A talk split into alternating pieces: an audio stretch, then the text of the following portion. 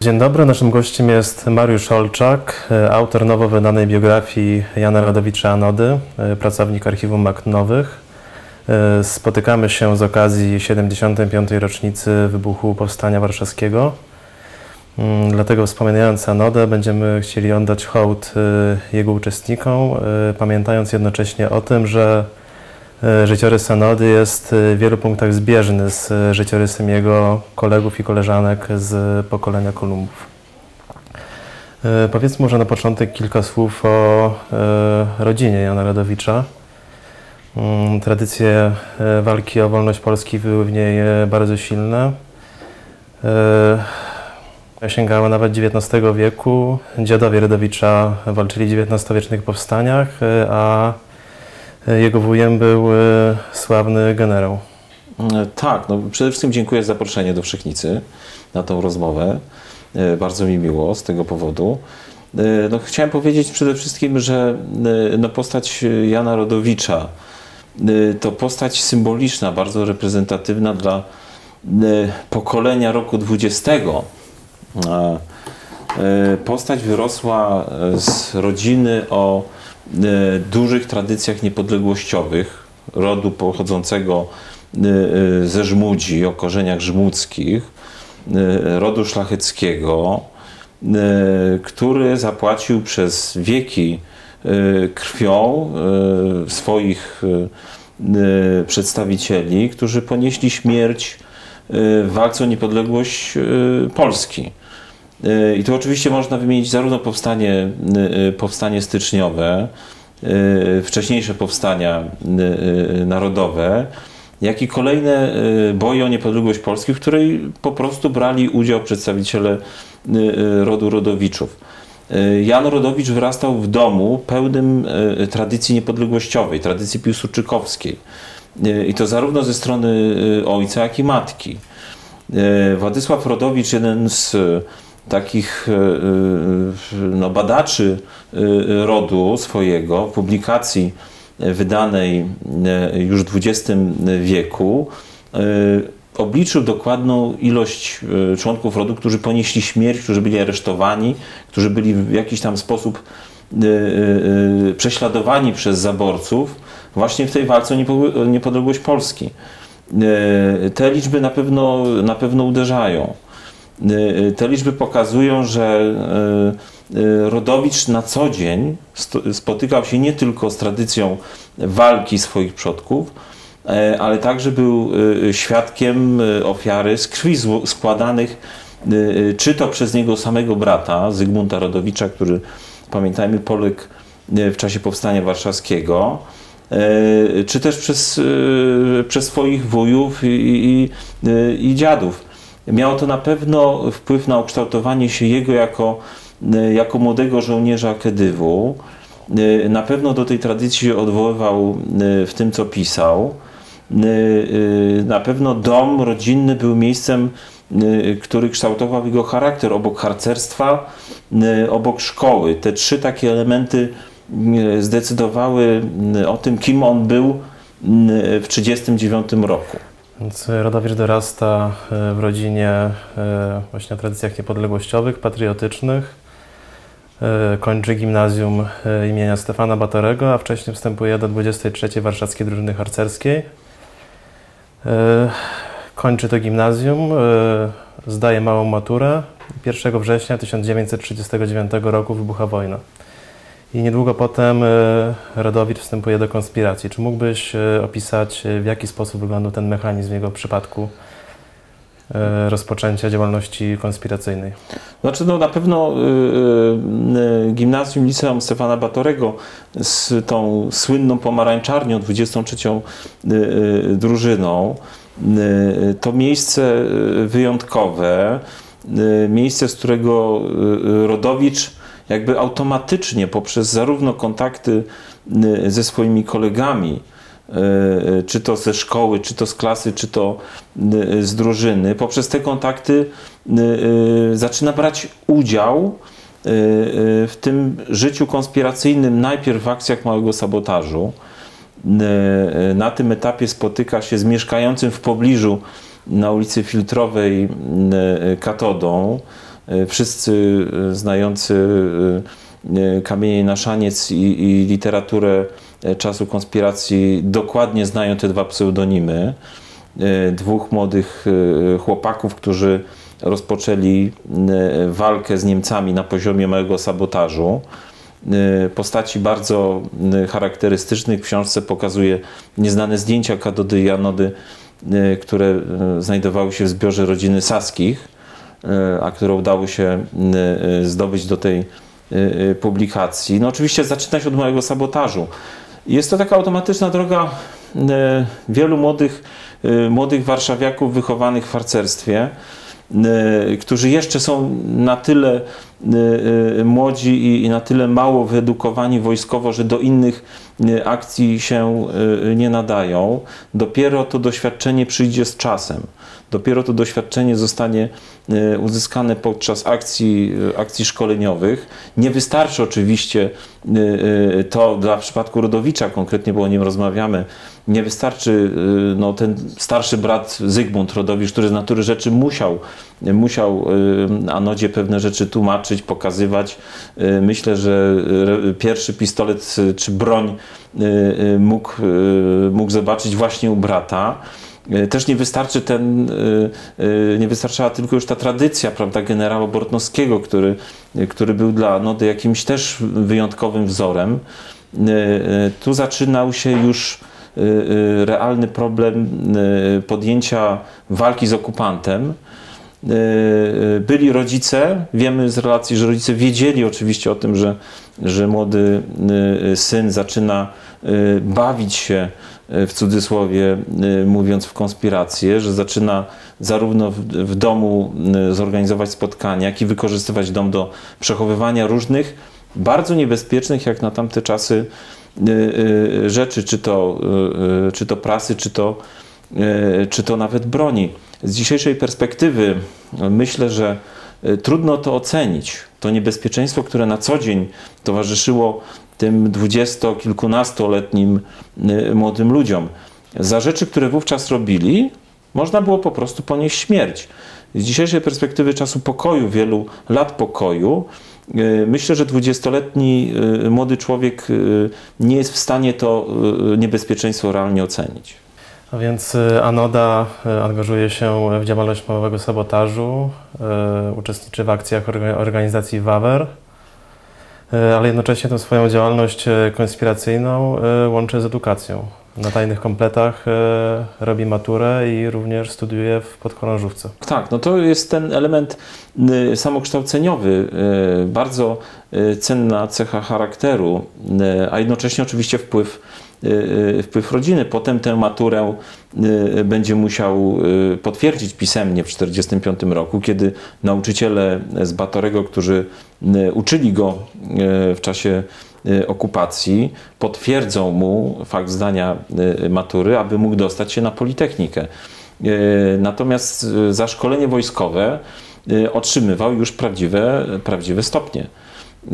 Prawdziwe stopnie. I sam Rodowicz był na tyle dobrym i pojętym uczniem. Wiemy, że bardzo z relacji jego kolegów i koleżanek z konspiracji wiemy, że bardzo lubił broń. Potrafił się nią posługiwać.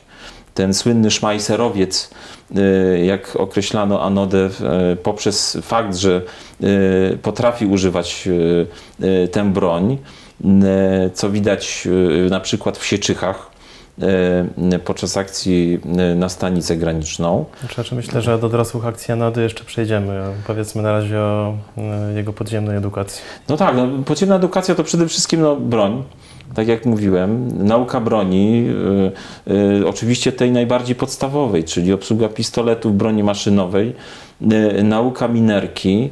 Bardzo tutaj pomocna była y, y, y, jego oficjalna nauka, bo pewne przedmioty, które, y, które, musiał, y, które musiał się uczyć i których y, zdawał, wiązały się z, y, y, z tą popularnie zwaną minerką y, do której były potrzebne, y, była potrzebna instalacja przewodów elektrycznych. E, Powiedz może w tym momencie, że Anoda oficjalnie uczył się w zawodowej szkole elektrotechnicznej. No tak, tak, no właśnie o tym, właśnie o tym, o tym mówię i to bardzo pomagało tym młodym chłopakom, bo razem z nim uczyło się wielu innych adeptów późniejszej podchorążówki. I ta wiedza im będzie realnie za rok, dwa, bo to mówimy o latach 1940-42 w jego życiorysie, realnie mu się przyda w szeregu akcji, w której y, jednej będzie, y, będzie dowodził.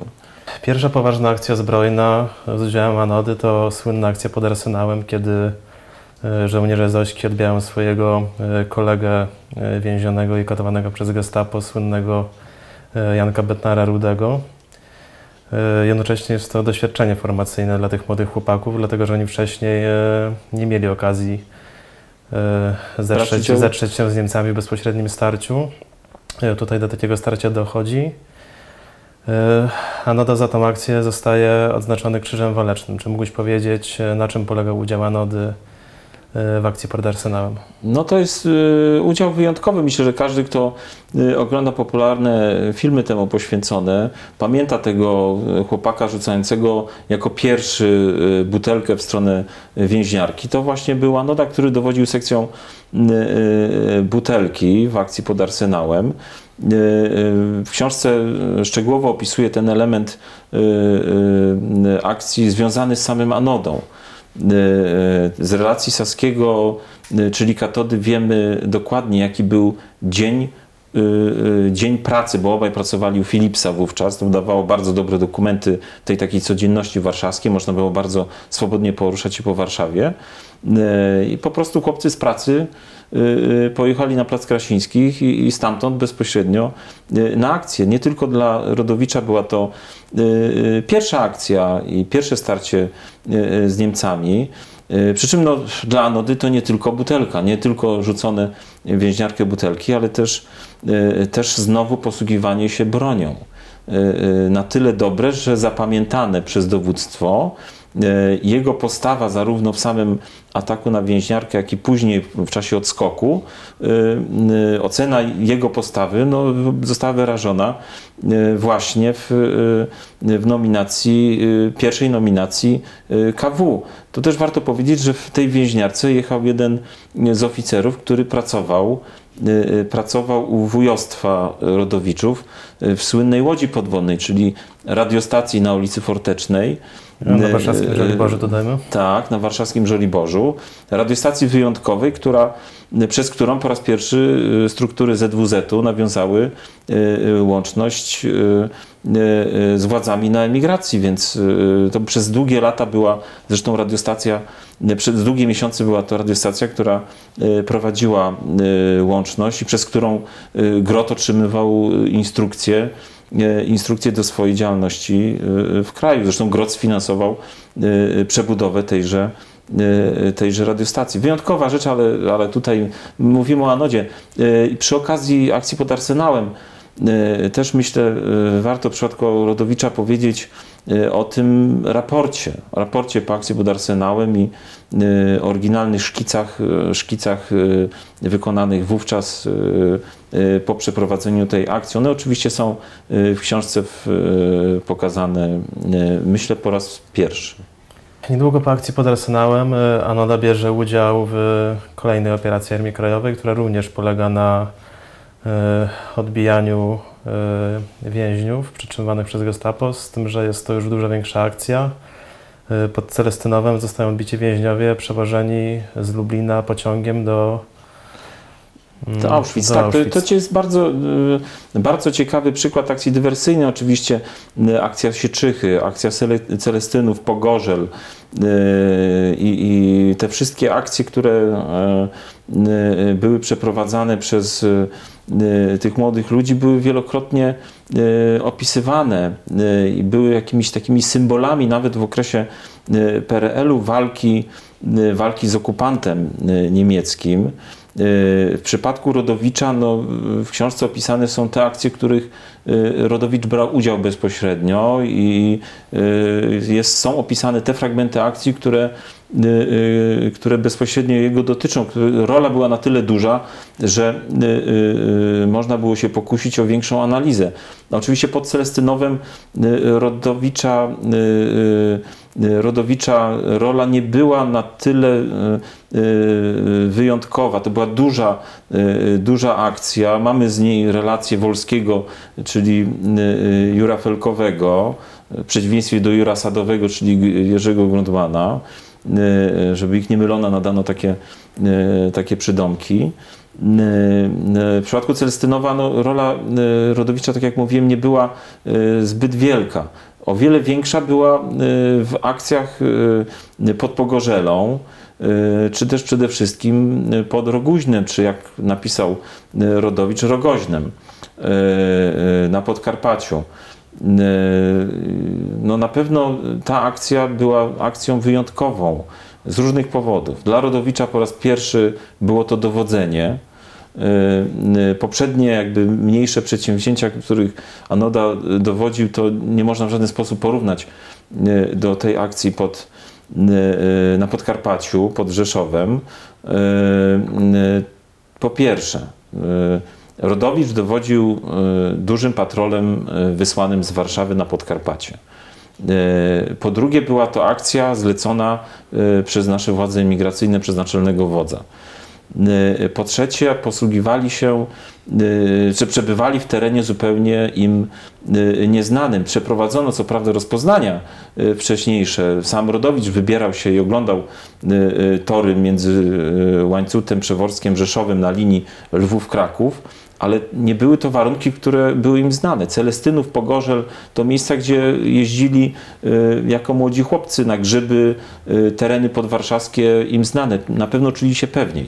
Tu w tym przypadku mamy y, zadanie bardzo odpowiedzialne i, co dla mnie istotniejsze, natknąłem się na zbiorach Kedywu Komendy Głównej na oryginalny raport Rodowicza, w zasadzie dwa raporty, bo po przeprowadzeniu akcji, po udanym wysadzeniu przepustu y, pod Roguźnem Rogoźnem, y, y, Rodowicz sporządził praktycznie 3-4 godziny po powrocie do Warszawy maszynopisowy raport jednostronicowy, którym meldował wykonanie akcji. Wykonanie akcji, która, która się po prostu udała. Dzięki dobrej jego decyzji wysadzono przepust mostowy y, w momencie, kiedy y, y, na nim były dwa pociągi. I to była decyzja osobista Rodowicza. Rodowicz odpalał ładunki pod, tym, pod tymi pociągami. Więc nie tylko miał ten udział dowódczy, ale też bezpośredni wykonawczy. Więc on po powrocie do Warszawy sporządza ten jeden raport maszynopisowy. Y, Natomiast dzień lub dwa później y, sporządza siedmiostronicowy y, raport rekopiśmienny. Oba raporty do tej pory niepublikowane. W tym drugim raporcie załącza siedem załączników takich, które wykonał sam oraz jego zastępca Jerzy Gawin-Słoń. Y, Rysunki techniczne, które y, świadczą o dobrym wykształceniu w y, niemieckich szkołach. y, które pro- doda- dodajmy, publikujesz w swojej tak, które- książce. które są, są w książce. Dwa, konkretnie dwa szkice Rodowicza dotyczące pakietowania plastikiem, bo użyto angielskiego plastiku w wysadzaniu tych, tego przepustu. I taki, taki raport składa na ręce y, dowódcy y, opisując bardzo szczegółowo wykonanie akcji. Co ważne, ten, ten raport, jeden i drugi, pokazują Rodowicza y, przez pryzmat y, no, osobowości, na pewno już dojrzałego dowódcy, y, osoby, która potrafi y, y, y, y, tą wiedzę i to doświadczenie, jakie uzyskało na szkoleniu oraz, oraz przez ten rok ponad y, walki z okupantem, w jego przypadku, y, y, zdyskontować. Ta akcja, ta akcja się na tyle, na tyle powiodła, że, że Rodowicz oczywiście otrzymał pochwały, tak jak zresztą cały batalion Zośka zaangażowany w inne, inne miejsca akcji Jula Południe, bo nie powiedzieliśmy, że, że akcja pod Rogoźnem była była elementem e, e, większego zadania zleconego nam właśnie przez władze, e, e, władze migracyjne. Bardzo ważny element w życiorysie Rodowicza, jeden z ważniejszych e, e, fragmentów e, e, mojej książki, tak mi się wydaje. E, Dodajmy też, że za, że za swoje akcje, już po akcji pod Arsenałem został po raz kolejny odznaczony Krzyżem Walecznym. No tak, ten, ten drugi krzyż walecznych, ten drugi krzyż waleczny, chociaż no potem poszły wnioski na podporucznika w przypadku Rodowicza, bo Rodowicz będąc pod Ro, Roguźnem był sierżantem podchorążym. Znaczy z tym, że ten awans ode- odebrał już dopiero po wybuchu powstania. No tak, właśnie. To, to jest ciekawe, ma, y, y, ciekawe zagadnienie dotyczące nie tylko y, Rodowicza. Jak w tym elitarnym batalionie nie szafowano tak łatwo y, odznaczeniami i, awansami. Zwróćmy uwagę, że w czerwcu 20 bodajże 4 lub 6 czerwca y, y, idzie y, y, rozkaz, znaczy przepraszam, meldunek y, Białusa, dowódcy batalionu y, y, w sprawie y, y, wniosków awansowych. I to y, dotyczy y, tego, że no, wnioski były składane, prawda? Y, A, a y, samych stopni y, nie przyznano, więc szereg bardzo zasłużonych w konspiracji i ostrzelanych i ryzykujących życiem podchorążych wchodzi w powstanie warszawskie w stopniach podchorążackich, nie, nie podporucznika. A naprawdę to było bardzo, bardzo istotne. Te, te stopnie wojskowe uzyskane wówczas są zupełnie czym innym niż stopnie wojskowe jakby y, uzyskiwane y, y, po wojnie automatycznie. Warto powiedzieć, że na przykład obecnie żyje praktycznie dwóch oficerów Armii Krajowej, którzy wchodzili do powstania warszawskiego ze stopniami oficerskimi. Mówię tu o, o w tym przypadku generale Ściborze Rylskim, który,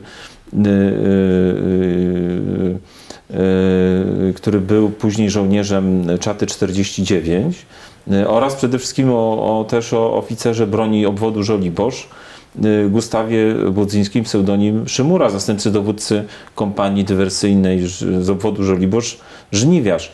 Jest to dwóch ludzi, którzy obecnie już zostali nam jako oficerowie wchodzący do powstania. Bo później, oczywiście w trakcie powstania tych nominacji oficerskich było więcej i myślę, że wśród oficerów y, powstaniowych obecnie y, żyjących, no, moglibyśmy y, naliczyć około 11-12 jeszcze chyba żołnierzy, w tym też jedyny z Zośki żyjący, Stanisław Likiernik, Machabeusz, Stach, y, y, żołnierz Kedywu Kolegium y, y, Okręgu Warszawskiego.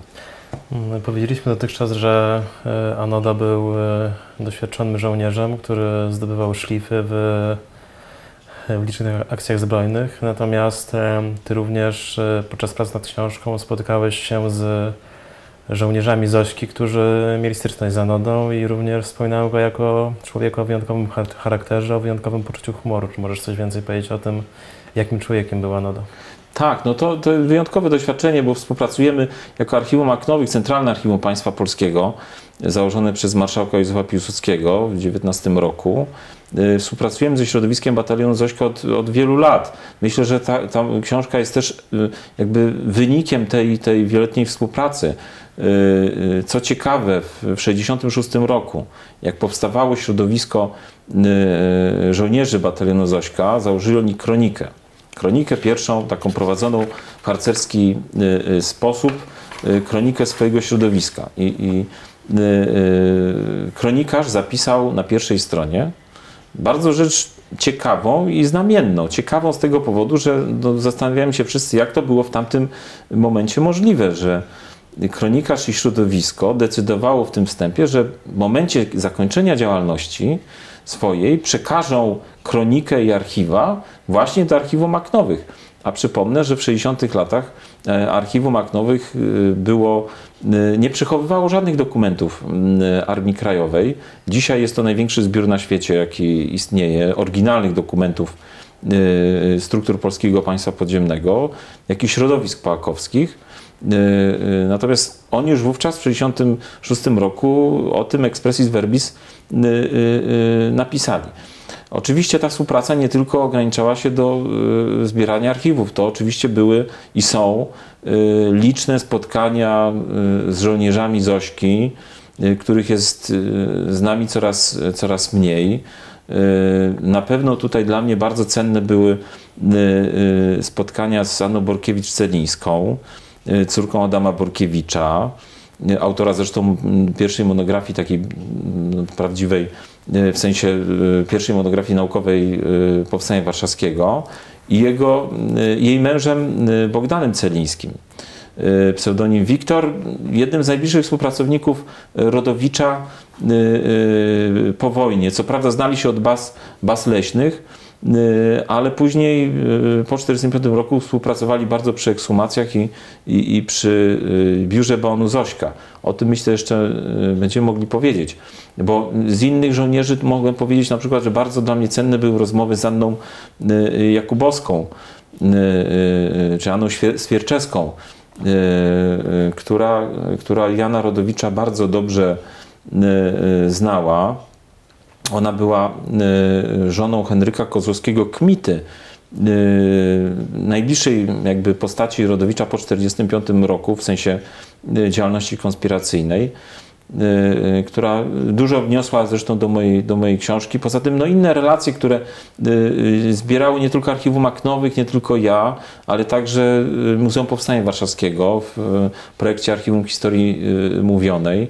Y, y, Relacje też y, Stanisława Krupy-Nity, y, ludzi z Parasola, no, Tadeusza Wronowskiego Przygody, który do niedawna no, jedyny żyjący dowódca akcji Parasola, akcji Namilkego, który zmarł dwa lata temu w Bie- w Bielsku Białej.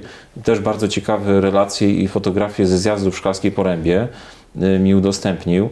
Wojciech Świątkowski, szef komórki MOTO y, Bonu Parasol, a jednocześnie kolega y, Rodowicza z Politechniki Warszawskiej.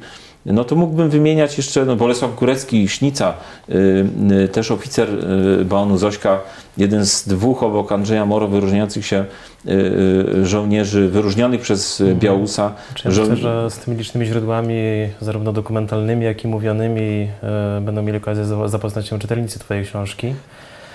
E, Natomiast pytam o charakter anody, dlatego że e, jakiś czas temu na kanwie ekranizacji nowej Kamieni na Szoniec e, w reżyserii Roberta Glińskiego właśnie odbyła się dyskusja o rysie charakter, charakter, charakterologicznym żołnierzy konspiracji. Tutaj Glińskiemu zarzucano, że ukazał bohaterów Kamieni na Szaniec jako takich młodych ludzi, dla których wojna była w dużej mierze przygodą. E, To spotkało się z powszechną krytyką, e, także ze strony środowisk kombatanckich. E, Natomiast e, w biografii Nody znajdujemy takie przykłady, kiedy również e, on jako doświadczony żołnierz e, wykazywał się e, dość dużą beztroską i brawurą, która niejednokrotnie mogła sprowadzić e, nieszczęście i dekonspirację na, na jego kolegów, więc e, Jak to było? czy, czy, czy, był to element, czy był tutaj element przygody i element brawury, czy jednak tylko zimny profesjonalizm? To znaczy, no ja nie chciałbym e, recenzować e, e, dzieł twórców. Licencja poetyka jednak jest czym innym niż wnikliwość badawcza i mamy, mamy na przykład taki przypadek, kiedy Anoda w drodze do akcji w Celestynowie wychyla się z ciężarówki i grozi pistoletem e, Niemcowi jadącemu e, tramwajem. Tak, to, to z relacji Jura, Jura Felkowego, e, Andrzeja Wolskiego e, opisuje faktycznie tą, tą, e, no ten wygłup e, e, młodego człowieka. No, Dodajmy, dodajmy nie jodąt, e, są, są inne przykłady. Tak, no y, ja myślę, że to jest no, pewien znak czasu dla tego pokolenia. Y, y, Szwoleżerowie nasi pierwszego pułku szwoleżerów, gdyby to też ludzie w tym wieku byli w momencie zdobywania Somosiery. Y, y, Jak się przyjrzymy y, relacjom pamiętnikarskim z tamtego okresu, no to pamiętajmy, że mm, no, to był taki wiek, to był taki wiek i natomiast zupełnie czym innym jest ocenianie tych, tych zachowań przez pryzmat narzędzi XXI-wiecznych, bo to wtedy może powodować złe interpretacje, a y, pewne jakby pewne czyny wyrażone w okresie y, okupacji, w momencie realnego zagrożenia są czym innym niż, niż opisane potem w, y, w mediach, gdzie ogląda się ich, y, gdzie ogląda się je w, w sali kinowej. Zupełnie wtedy inna relacja. Relatywizm zupełnie y, tutaj zmienia opis, y, opis tych, y, tych wydarzeń. Ja myślę, że tu- że tutaj y, y, widzimy w przypadku Rodowicza, nie tylko Rodowicza, postać, która no, potrafi się bawić, y, y, ale też y, potrafi walczyć.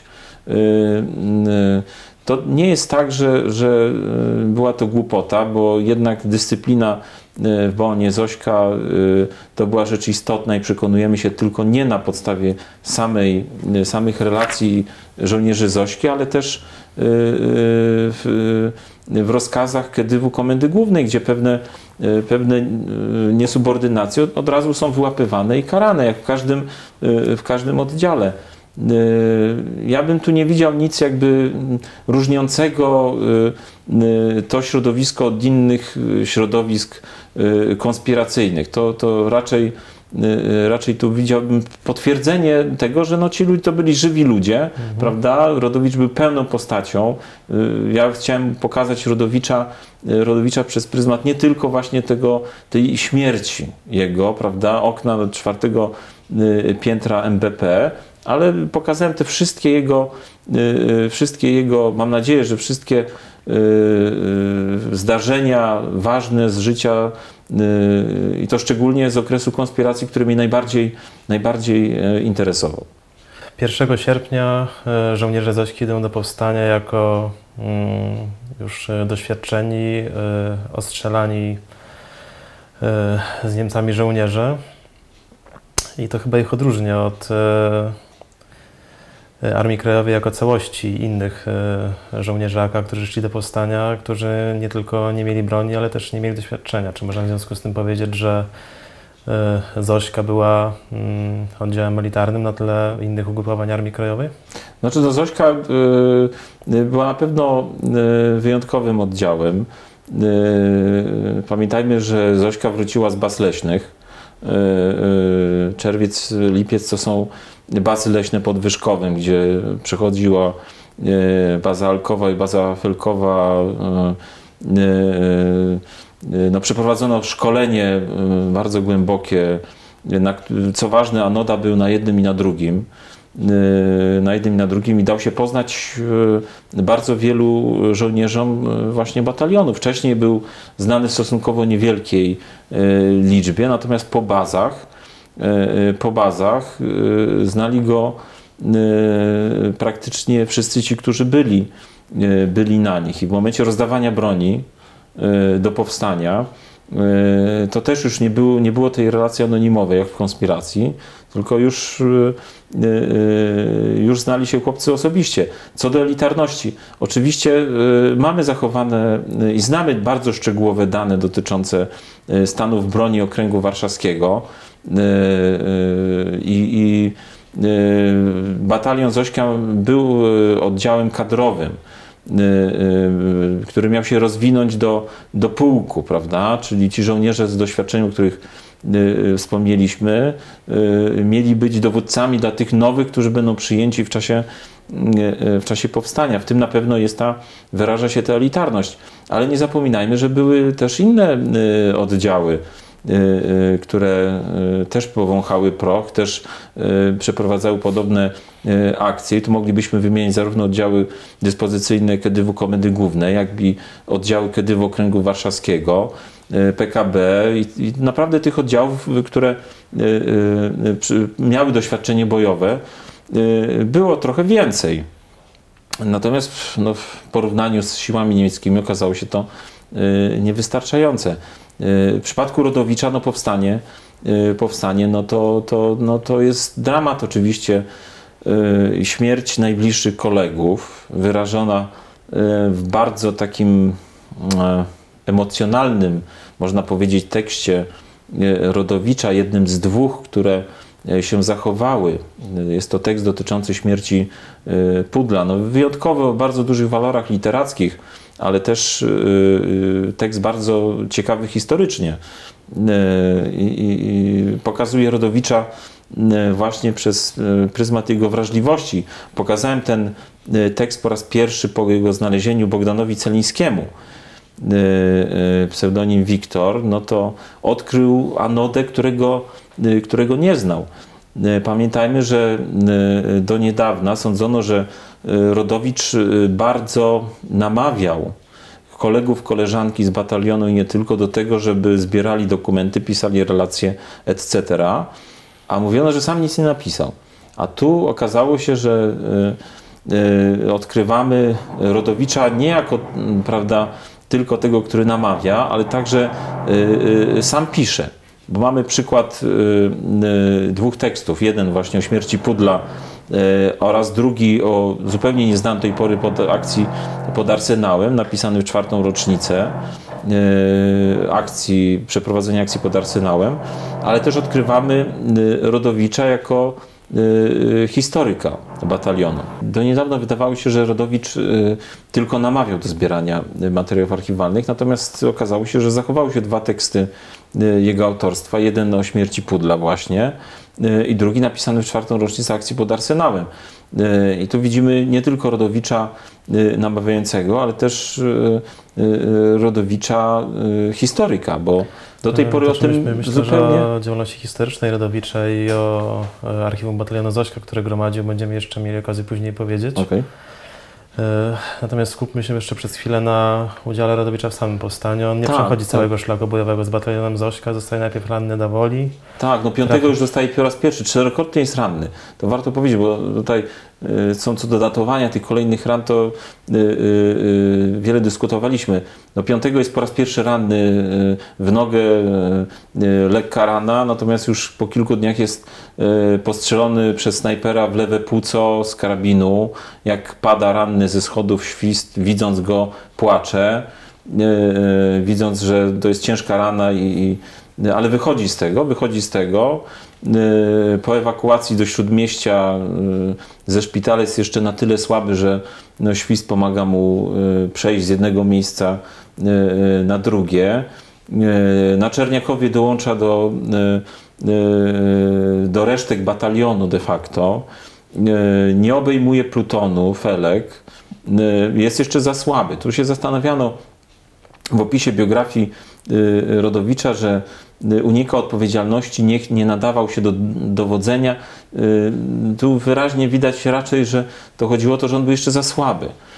y, Za słaby. Natomiast no, po, kilku, po kilku dniach krwawych walk na Czerniakowie znów ciężka, y, ciężka rana, znów poraniony, potem jeszcze dochodzi złamanie w łokciu podczas przenoszenia. Y, Jest ewakuowany y, w wielkim skrócie mówiąc oczywiście, bo nie będziemy tu mówić szczegółowo, byśmy, bo ta rozmowa by trwała znacznie, znacznie dłużej, ale jest ewakuowany w każdym razie na drugi brzeg Wisły razem ze Świstem. To wszystko szczegółowo przedstawiam w książce. Y, y, Przechodzi do szpitali w Aninie, Otwocku i Józefowie. To też nie jest do końca, do końca jasne, gdzie w tych szpitalach był. Był na pewno w Aninie, gdzie przeszedł transfuzję y, y, krwi, operację. Dzięki temu uratowano mu życie, a potem już rekonwalescencję w, y, y, na pewno przychodził w Otwocku. Pozostałe szpitale to tego, tego nie jesteśmy y, w stanie obecnie w 100% y, y, powiedzieć. Wychodzi strasznie poraniony z powstania, wychodzi e, z Virtuti Militari, wychodzi ze stopniem podporucznika Armii Krajowej. Y, Jest w pewnym sensie już y, no, legendą swojego batalionu, to można z całą pewnością powiedzieć. No, wielu, wielu jego dowódców podwładnych poległo. Wczesną wiosną resztki Zośkowców zaczynają się spotykać, organizować, y, spotykać przypadkowo na ulicach zrujnowanej Warszawy. Y, Zaczyna się akcja ekshumacyjna, w której Rodowicz bierze aktywny, jak no, mu zdrowie mogło pomaga- y, pozwalać, y, udział. Uczestniczy w ekshumacji y, Andrzeja Romockiego. Y, Potem jest jednym z głównych organizatorów jego pogrzebu, aczkolwiek jakby główne zasługi w akcji ekshumacyjnej y, tutaj y, ma Bogdan Celiński, pseudonim Wiktor, y, który y, no, wykonał olbrzymią, olbrzymią, olbrzymią pracę nad identyfikowaniem, wykopywaniem y, i, i zwożeniem ciał y, zośkowców na, na y, cmentarz powązkowski i y, no tutaj warto to, warto to podkreślić. E, Powiedzmy w tym momencie, że Anoda oprócz tego, że e, pomaga w ekshumacjach e, poległych kolegów, oprócz tego, że jak już wcześniej powiedziałeś, zajmuje się gromadzeniem relacji, dokumentów, i tworzy też teksty historyczne na temat działalności batalionu Zośka. Wydaje trzy, trzy numery biuletynu za Zośkowców, ale też angażuje się w drugą konspirację, tym razem już przeciwko władzy komunistycznej. Czy wiemy, na czym polegał udział Anody e, w drugiej konspiracji? No tak, no, y, Anoda był dowódcą grupy bojowej w oddziale dowodzonym przez Kmitę Kozłowskiego. Oczywiście rolę Anody bardzo szczegółowo opisuje w książce. Trochę mu przeszkadza w tym takim rozwinięciu działalności wypadek w sierpniu 1945 roku, gdzie znowu trafia do szpitala. Y, y, Niemniej włącza się bardzo intensywnie w akcję ujawnieniową. Y, Włącza się intensywnie poprzez oczy- oczywiście bliskość, bliskość Radosława. Tu Radosław jako ich dowódca, dowódca Henryka Kozłowskiego, może powiedzmy w tym momencie przy dwa słowa, czym była akcja ujawnieniowa? Być może nie wszyscy wiedzą, e, e, na czym e, ta operacja polegała. Tak, no 1 sierpnia 45 zostaje aresztowany Jan Mazurkiewicz, Radosław. Legenda z powstania, aresztowany y, w biały dzień. Y, Po wyjściu, wyjściu z więzienia nie będę szczegółowo omawiał tych wszystkich perturbacji i, i spraw związanych z rozmowami Radosława z funkcjonariuszami UB, ale w, rozpoczyna się akcja ujawnieniowa. W książce pokazuje bardzo ciekawą relację z woli Rafałowskiej, koło Miska Mazowieckiego, gdzie, gdzie Radosław osobiście w, towarzystwie Czaplickiego Światły y, odbierał ujawnienie obwodu Mińsk Mazowiecki kryptonimy Kamień. W tym samym czasie do BGK zgłaszają się żołnierze Armii Krajowej. Y, y, We wrześniu 1945 roku, tak od 11 y, września, najwięcej 15, 18, 19 zgłaszają się kolejni zośkowcy, chociaż no plan był taki, że wszyscy przyjdą razem z bronią i jednego dnia, jednego dnia ujawnią swoją działalność. Po- Pokazuję w książce ankiety ujawnieniowe, które zachowały się w zasobie Archiwum Maknowych i Instytutu Pamięci Narodowej. Yy, Ankiety ujawnieniowe, które każdy z żołnierzy musiał, musiał osobiście wypełnić. Podawał tam oczywiście imię, nazwisko, yy, pseudonim, yy, adres, datę urodzenia, przydział i, i, i tak dalej. To był ważny oczywiście moment życia Rodowicza, który bardzo ściśle wiązał się z akcją ekshumacyjną. Pamiętajmy, że y, podczas, tej, podczas ujawniania się dochodziło do bardzo wielu spotkań po raz pierwszy od, od czasu powstania tych żołnierzy. Y, y, Czasami po raz pierwszy się dowiadywali, że ktoś przeżył. Pamiętajmy, że po raz pierwszy niektórzy dowiadywali się, jak się tak naprawdę nazywali. Był to bardzo taki czas dla nich ważny, aczkolwiek no, po latach okazało się, że oczywiście to był, to był wielki, wielki błąd, wielki błąd wyko, y, wykorzystany przez komunistów, funkcjonariuszy UB, potem, żeby, żeby do tych żołnierzy dojść już w zupełnie innym charakterze. Hmm, Niemniej jednak e, Anoda i koledzy podejmują decyzję o ujawnieniu. E, Mamy teraz do czynienia z kultem żołnierzy wyklętych.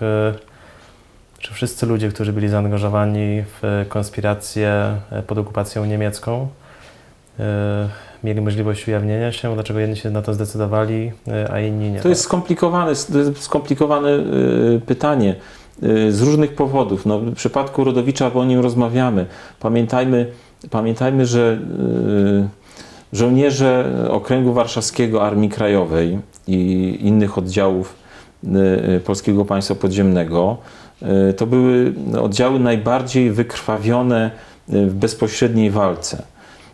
z oddziału Jana Rodowicza Anody, ze zgrupowania Radosław, z oddziałów Zośki, Parasola, Czaty, Miotły, Dysku i tak dalej.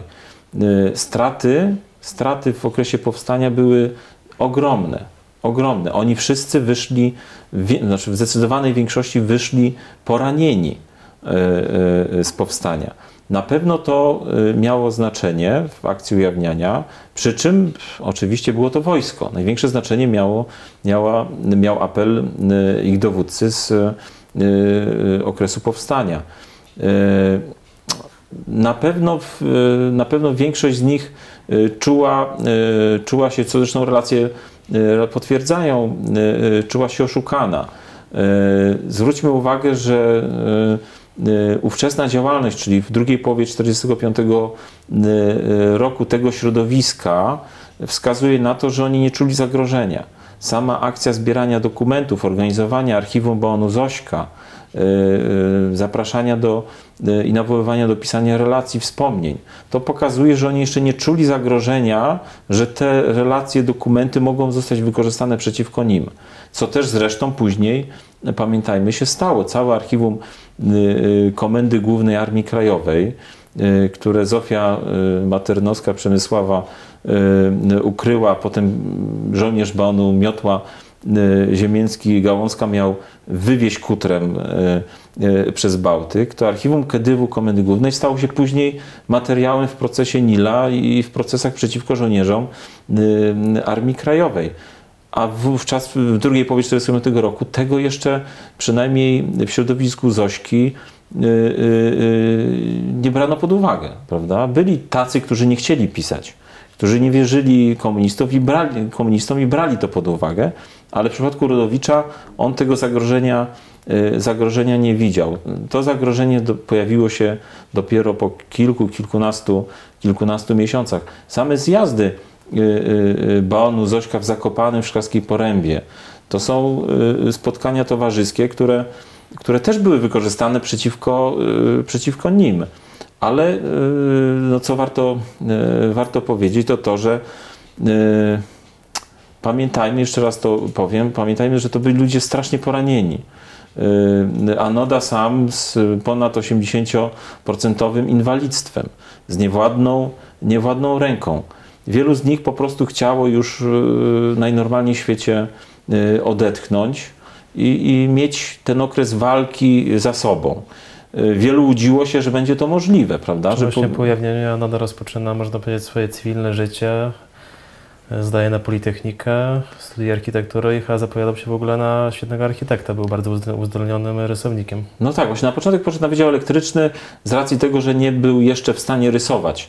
Dopiero po operacjach i y, odzyskaniu pełnego y, y, władania ręką napisał podanie i, i, i przeniósł się na architekturę. Oczywiście wszyscy podkreślają, że, że to był bardzo zdolny, zdolny student. Mamy jego rysunki, kilkadziesiąt rysunków się zachowało z architektury. W sumie zachowało się akwarel rysunków, obrazów Rodowicza w ilości 50, 53. W książce jest kilkanaście ale miejmy świadomość, że tego jest znacznie więcej. Do architektury namówił zresztą Rodowicza kolega, o którym wspomnieliśmy, Wojciech Świątkowski, pseudonim, pseudonim Korczak, który, który jest wśród nas. Wigilię 1948 roku Anoda zostaje aresztowany, później zostają wkrótce aresztowani jego koledzy z batalionu. Co się dzieje? Przecież nie prowadzili żadnej działalności konspiracyjnej, mimo tego zostają aresztowani, część z nich przechodzi brutalne śledztwo. No tak, jest to zagadka oczywiście do dzisiaj. Ten, ten dzień, oczywiście wybrany celowo, żeby, żeby ten wieczór wigilijny popsuć zarówno samemu Rodowiczowi, jego rodzinie, żołnierzom z Zośki. Termin wybrany w zupełnym, oczywiście w perfidnym zastanowieniu. Natomiast no, moim celem w tej książce było też to, żeby postaci Rodowicza, o czym już wspominałem, postaci Rodowicza nie sprowadzać tylko do tego elementu jego aresztowania śmierci. Oczywiście on jest bardzo ważny. On jest bardzo ważny, jeden z ważniejszych elementów y, y, jego życia, ale nie chciałem, żeby y, y, jak zaczniemy dyskutować o Rodowiczu, to zaraz będziemy przechodzić do, do momentu jego śmierci, aresztowania. Jest on dobrze opisany, mam nadzieję, w, w mojej książce. Wymieniam oczywiście tych wszystkich funkcjonariuszy UB, którzy brali udział w czasie aresztowania. Znamy, znamy tutaj wszystkie elementy, jakie w czasie tego aresztowania się pojawiły, czyli no, rewizje, prawda, co zabrano Rodowiczowi, y, które pomieszczenia y, przeszukano, kto był obecny przy, y, y, przy aresztowaniu. Y, Mamy tu szereg różnych relacji y, y, zebranych na ten temat. Y, No niemniej 24 y, y, grudnia około godziny 14 y, y, właśnie wchodzą na ulicę Lwowską 7, mieszkania 10 y, y, ubecy i, i, i zabierają, zabiera, zabierają Rodowicza y, y, do budynku Ministerstwa Bezpieczeństwa Publicznego, gdzie obecnie mieści się Ministerstwo, Ministerstwo Sprawiedliwości. Y, No, potem następują, y, następują kolejne przesłuchania, które też, y, też opisuję. No i oczywiście ta zagadka śmierci. No, tutaj y, co można powiedzieć i co trzeba mówić y, z pełnym naciskiem, że no bez względu na to, jaką śmierć poniósł, czy wyskoczył Może przez okno. Przez chwilę, w jaki sposób zginęła Anoda. Tutaj komuniści twierdzili, że popełnił samobójstwo skacząc z czwartego piętra Ministerstwa Bezpieczeństwa Publicznego. Y, Natomiast y, są inne hipotezy na temat jego śmierci. Może powiesz y, kilka słów. No właśnie, warto powiedzieć przede wszystkim to, że o tym, że wyskoczył przez okno, wiemy od samych ubeków. Prawda? Bronisław Klejna, który go przesłuchuje y, y, y, 7 stycznia 1949 roku, był ostatnim, który przesłuchiwał tego dnia Rodowicza. Warto powiedzieć, że po raz pierwszy tego dnia przesłuchiwał Rodowicza Wiktor Herer. Y, Po raz pierwszy odbyły się dwa przesłuchania. Y, Natomiast są to fakty takie y, namacalne. Co do tego, co wydarzyło się później, to już mamy tylko relacje i wy, wyłącznie funkcjonariuszy UB. Czyli mamy to pismo, którym, y, y, y, którym w marcu 1949 roku zawiadamia y, się rodzinę, że poniósł śmierć samobójczą, samobójczą wyskakując, wyskakując oknem. Podobnie w protokole tym przesłuchania jest zapisane, y, y, że wyskoczył oknem i zabił się. I, to są informacje, które później powtarzają się w, w różnych relacjach i zeznaniach, zeznaniach UB. Natomiast hipotez na temat śmierci Rodowicza jest bardzo dużo. Problem polega na tym, że y, nie są one y, dobrze, jak dla historyka oczywiście, y, dobrze udokumentowane, może tak powiem. Czasami są to relacje, czasami jest to jedna relacja, czasami jest to notatka, czasami są to materiały ze śledztwa.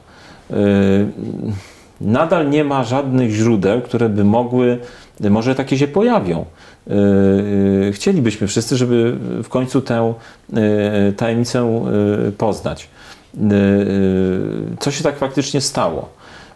Ale bez względu na to, co się stało, no to winę za to ponoszą funkcjonariusze Ministerstwa Bezpieczeństwa Publicznego, Julia Brystrygier, Wiktor Herer, Bronisław Klejna, którzy y, Do Rodowicza nie ponieśli odpowiedzialności. tak, no, doprowadzili, do, doprowadzili do śmierci. Y, Proszę zwrócić uwagę, że w latach 90., kiedy prowadzono y, śledztwo y, y, w sprawie śmierci y, Rodowicza, nie przeprowadzono na przykład wizji lokalnej na y, czwartym piętrze Ministerstwa Sprawiedliwości z udziałem żyjących wówczas y, y, Wiktora Herrera i Bronisława Klejny. Nie y, zweryfikowano, czy to, co mówią, jest możliwe, prawda? Czyli możliwe jest doskoczenie do y, okna z korytarza, wyskoczenie i te wszystkie rzeczy, które, y, które znamy. Y, y, Wydaje mi się, że tu ważniejsze jest to, żeby dzisiaj, y, żeby opisać te postacie, które doprowadziły do jego śmierci, żeby op- opisywać system, który doprowadził do, do jego śmierci. Natomiast y, z tą analizą szczegółową y, oczywiście trzeba ją prowadzić, y, ale wydaje mi się, że żeby ją posunąć dalej, musimy mieć nowe źródła.